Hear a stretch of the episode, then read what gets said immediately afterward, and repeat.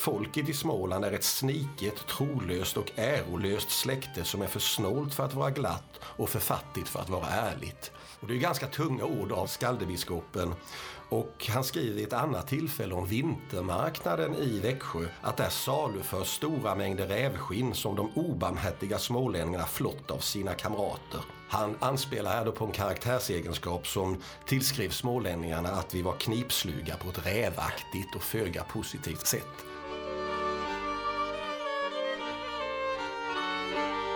Hej och välkomna till Kulturparken Smålands podcast.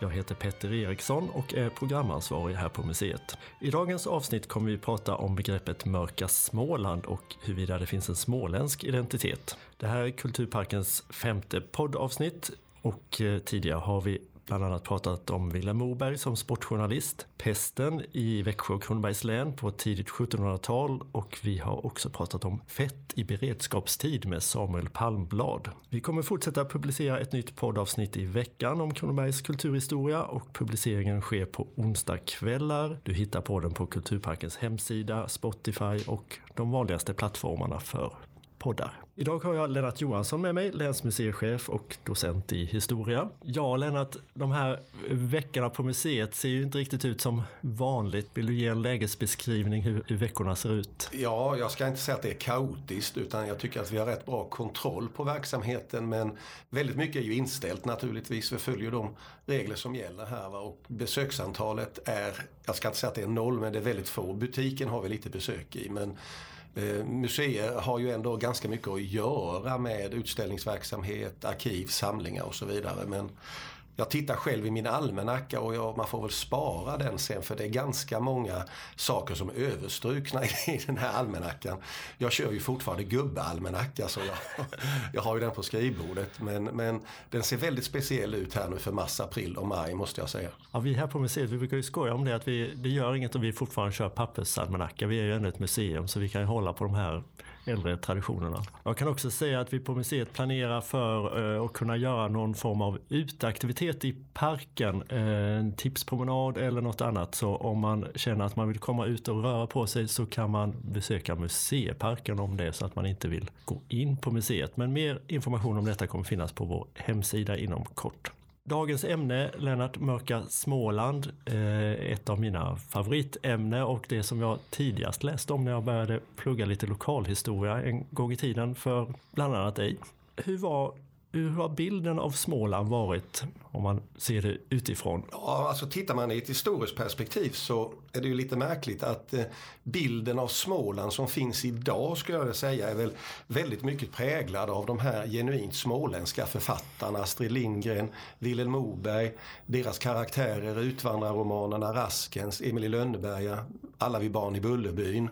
Det är det här lite pittoreska landskapet med de glittrande sjöarna, granskogarna där ju eh, smålänningen eh, står med bägge fötterna i myllan och arbetar i sitt anletes svett. Den här bilden tror jag har präglat väldigt många människor men tittar vi tillbaka så var ju bilden av Småland från början väldigt negativ. Eh, det var inte alls någon positiv bild av det här landskapet. Eh, ett berömt talesätt är ju det som den finlandssvenske historikern Zacharias Topelius säger, alltså att inför vår Herre är vi alla smålänningar, det vill säga små och ynkliga.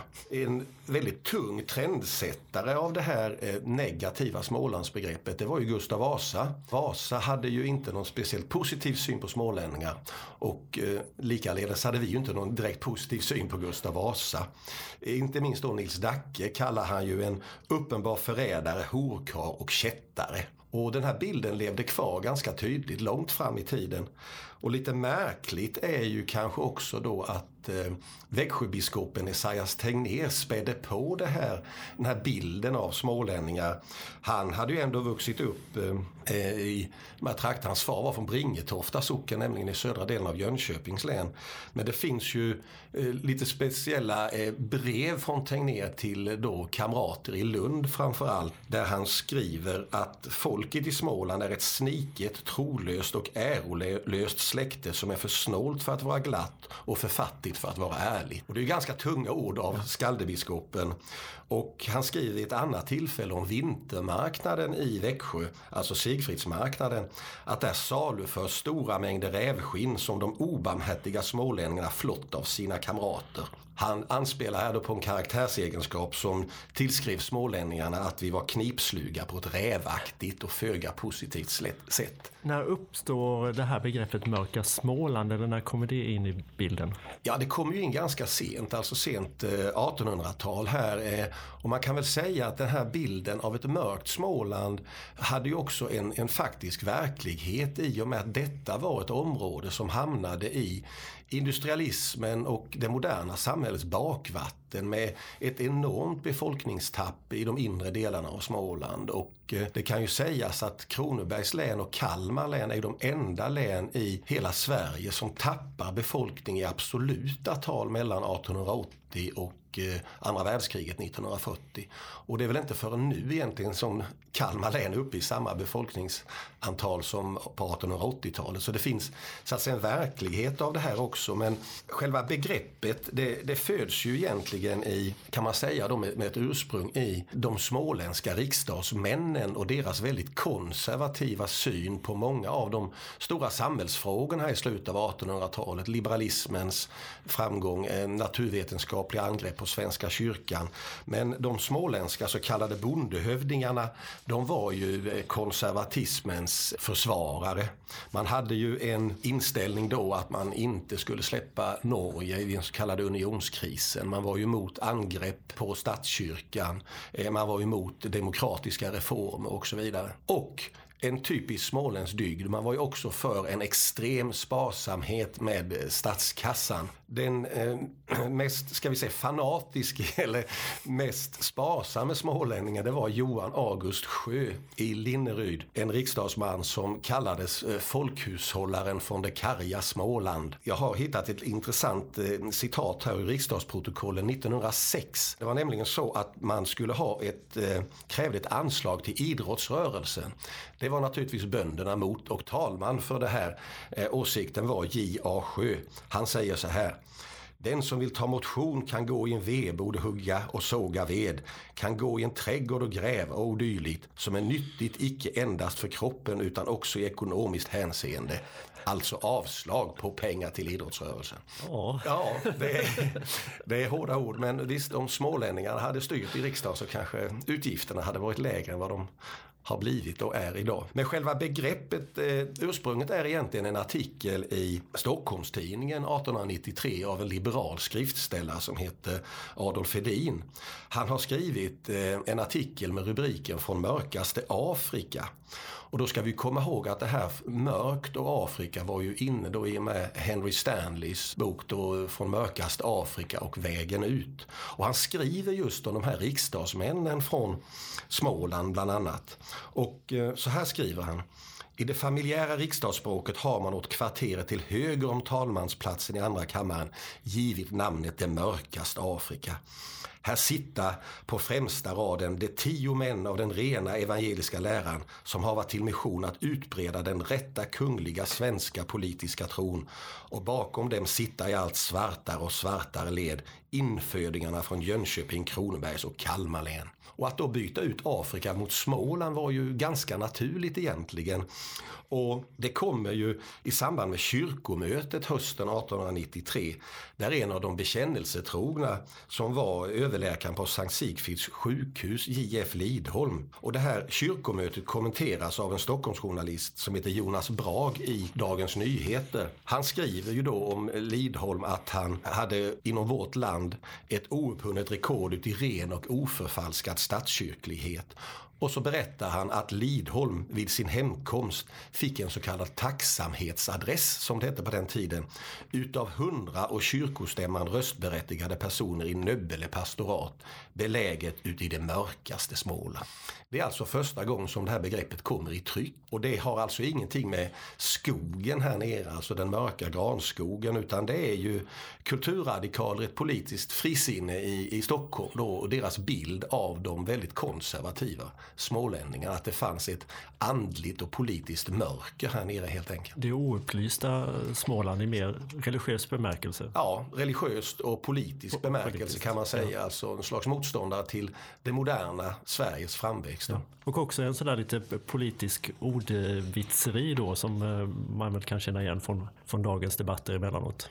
Ja, det får man ju säga då hur man vänder och vrider på det här begreppet. Men, men som sagt, det har ju diskuterats väldigt mycket och en del hävdar ju då att det är att eh, vi inte vill ha hit järnvägen, vilket är helt fel. Och en del menar ju då att det har med skogen att göra. Men det är alltså ett politiskt, eh, religiöst eh, begrepp eller slagord kan man säga mot det mer konservativa statskyrkliga delen av Småland. Kan du berätta något om, om hur frikyrkorna kom hit och hur, hur andligheten var i, i Kronobergs län vid tiden? Ja, det är lite spännande just hur det här begreppet sedan kom att användas av de idébärande folkrörelserna där man ju då ganska snabbt anammade det här begreppet och började då prata om ett ljust Småland och ett mörkt Småland. Och det ljusa Småland var naturligtvis eh, Jönköpings län, eller större delen av Jönköpings län, där frikyrkorörelsen hade fått ett starkt eh, genomslag, alltså en upplyst del av Småland. Medan det mörka Småland allt mer koncentrerades till det gamla folklandet Värend och trakterna här runt Växjö och framförallt söderut. Och här finns ju lite intressanta eh, ordvitsar igen då. Många känner kanske till de här gamla länsbokstäverna på bilarna. Där man ju då hade F i Jönköping för frikyrklighet, H i Kalmar län för högkyrklighet och G i Kronobergs län för gammalkyrklighet. Och eh, en spännande person i det här sammanhanget det är E.J. Ekman som är Svenska Missionsförbundets föreståndare. Och han skriver ett stort arbete 1902 som heter Den inre missionens historia. Då ska man ju veta att man skiljer ju på inre mission, alltså mission i Sverige, och den så kallade hedna missionen, alltså mission då utomlands. Eh, och Ekman skriver då följande. Inom större delen av Kronobergs län har ända in till den sista tiden andligt mörker, synd och ogudaktighet i hög grad varit härskande. Dessutom är, en, är det en ganska stor del av länet som ännu är en ödemark i andligt avseende. Denna del, känd under namnet det mörkaste Småland, består av omkring 30 socknar inom vilken ingen missionsförening finnes. Och det här eh, skrivningen om Småland avslutas med en ganska intressant passus. Ekman menar nämligen att missionärerna i den här delen av Småland hade att kämpa mot en fientlig befolkning som mycket liknat den som missionärerna mött i Kina. Eh, och det är ju ganska spännande. Och jag lyckades faktiskt hitta var han har fått det här ifrån. Det var nämligen så att det kom några missionärer till Urshult och de ville man inte ha dit så ett antal bönder jagade upp dem på logen i en lada och gick och vaktade utanför med vapen så de inte skulle komma till tals. Och då skrev de här missionärerna till Stockholm och sa Vi kunde inget annat än tänka på våra vänner i Sung Pu. Och Sung Pu var en missionsstation i Kina där man hade bedrivit hednamission och där man helt enkelt hade blivit lynchade av en mobb då. Därav kopplingen mellan Ursult och Kina vad gäller missionärernas möjlighet att frälsa befolkningen. Så det var en hård, hård kamp på riktigt? Ja, det var ju här där den gammalkyrkliga väckelsen med Peter Lorenz Sellegren, Per Nyman hade slagit rot så, så var man då stark motståndare till eh, de frikyrkliga eh, rörelserna överlag då och inte minst då här i de södra delarna av, av Kronobergs län. Och det finns ju ett ganska sentida utslag av det här också. Eh, 1926 i Aneby en av de mer frikyrkliga kommunerna i Sverige idag, bildas där 1926 något som heter Kronobergsmissionen faktiskt.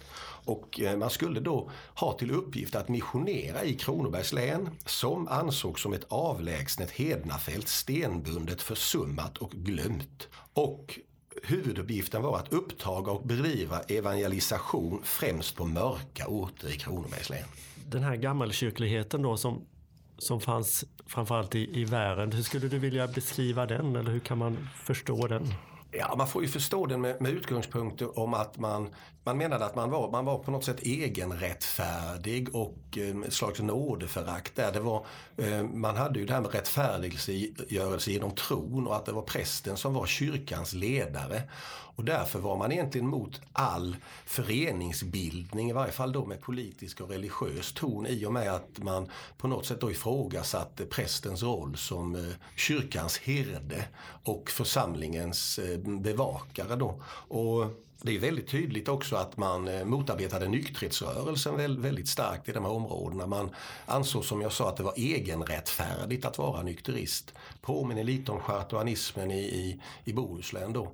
Eh, att eh, man, det var Guds nåd som var avgörande. Detta var så kallad handlingskristendom. Och det är lite spännande i om man tittar på förbudsomröstningen 1922 då har man ju omröstningsresultatet ner på sockennivå eller kommunnivå. Det var ju samma sak på den tiden. Och då är det lite spännande om man tittar i Småland. Då var det en väldigt stor skillnad mellan Jönköping och Kronobergs län. Men även inom Kronobergs län, Dörarp, i norra delen då av Ljungby kommun. Där hade ja-sidan, alltså de som var för förbudet, de hade 98 procent av rösterna. Det var stark frikyrka i Dörrarp. I Kalsvik söder om Växjö hade då de som var förbudsanhängare bara 2% av rösterna. Så det var extremt stora skillnader då vad det var gammalkyrkligheten och frikyrkligheten var stark. Och eh, fem år efter förbudsomröstningen 1927 vid prästmötet i Växjö skickade man ut en förfrågan om det fanns några eh, nykterhetsföreningar inom pastoratet och eh, kyrkoherden i Kalsvik, Sven August Hjelmgren, han svarade så här. Inga sådana vill jag vi veta av här. Och på frågan om nykterhetsföreningarnas verksamhet svarade han ytlighet och egenrättfärdighet samt skändligt skrymteri och blask av tidens antikristväsende. Och då är vi ändå i mitten av 20-talet ska vi tänka på. Det är hårda ord. Jaha. Men det var ju tydligt då att man, man såg det här som en, e, ett egenrättfärdigt beteende då att vara med i en nykterhetsförening. Det drabbade ju också eh, socialdemokratin. Kanske inte så lustigt i och med att eh, socialdemokratin var ju stark här i, i bruksorterna, i, framförallt i glasbruksorterna, en del av pappersbruken men inte då i övriga delen av länet. Det fanns en agitator som hette Frans Elof Elmgren. Eh, han var stationerad i Jönköping och i Socialdemokraternas årsberättelse 1901 konstaterar man att hans arbetsfält var det mörkaste Småland. Och det fick han erfara när han kom till Algutsboda i augusti 1905. Då står det så här i den här årsberättelsen för Socialdemokratiska arbetarpartiet. Då gudstjänsten var slut uppstod ett gruvligt oväsen vid kyrkan. Då samlade sig ett tjugotal bönder och tjöto som ulvar så att Elmgren ej kunde göra sig hörd. Bönderna skrek bland annat att Elmgren var ombud för Folkets hus i Stockholm. Därifrån skulle allt ont utgå nämligen. Och dessutom påstod bönderna att Elmgren var bulvan för Christian Mikkelsen, alltså norsk statsminister och den samlande kraften vid unionsupplösningen. Här återkommer ju det som de gamla bondehövdingarna, deras ståndpunkt i riksdagen då. Och Elmgren kunde icke göra sig hörd utan fick avbryta det här mötet i Algutsboda. Du har ju varit inne på lite om det här med att det skiljer sig åt i, i Småland och mellan länen.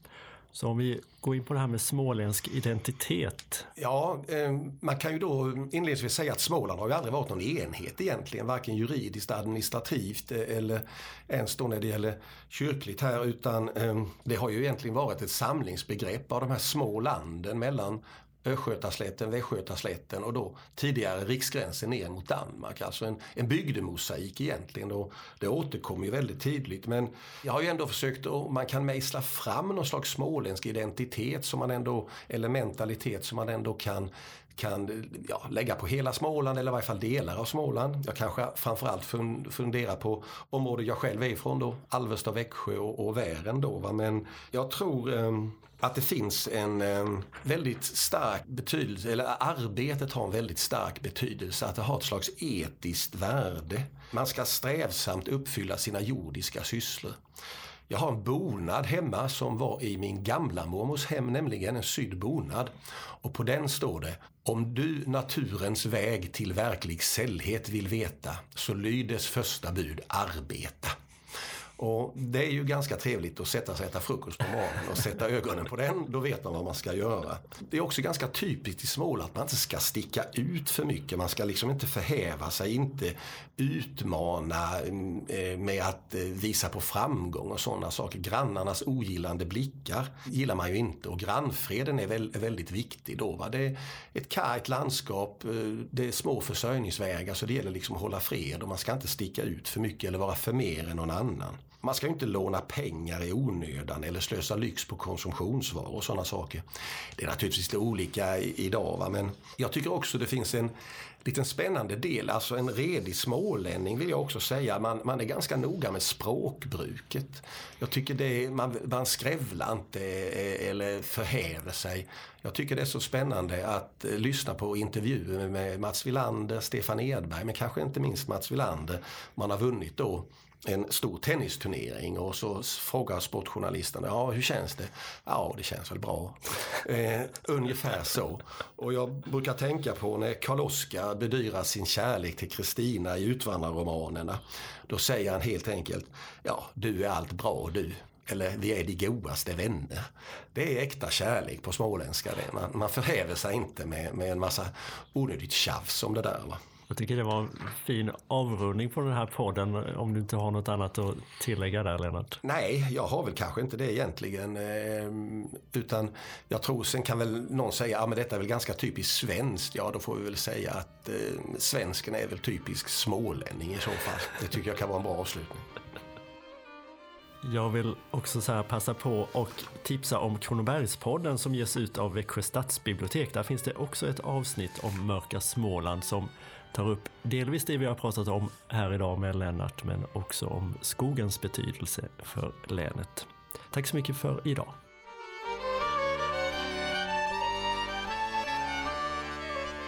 Du har lyssnat på Kulturparken Smålands poddradio.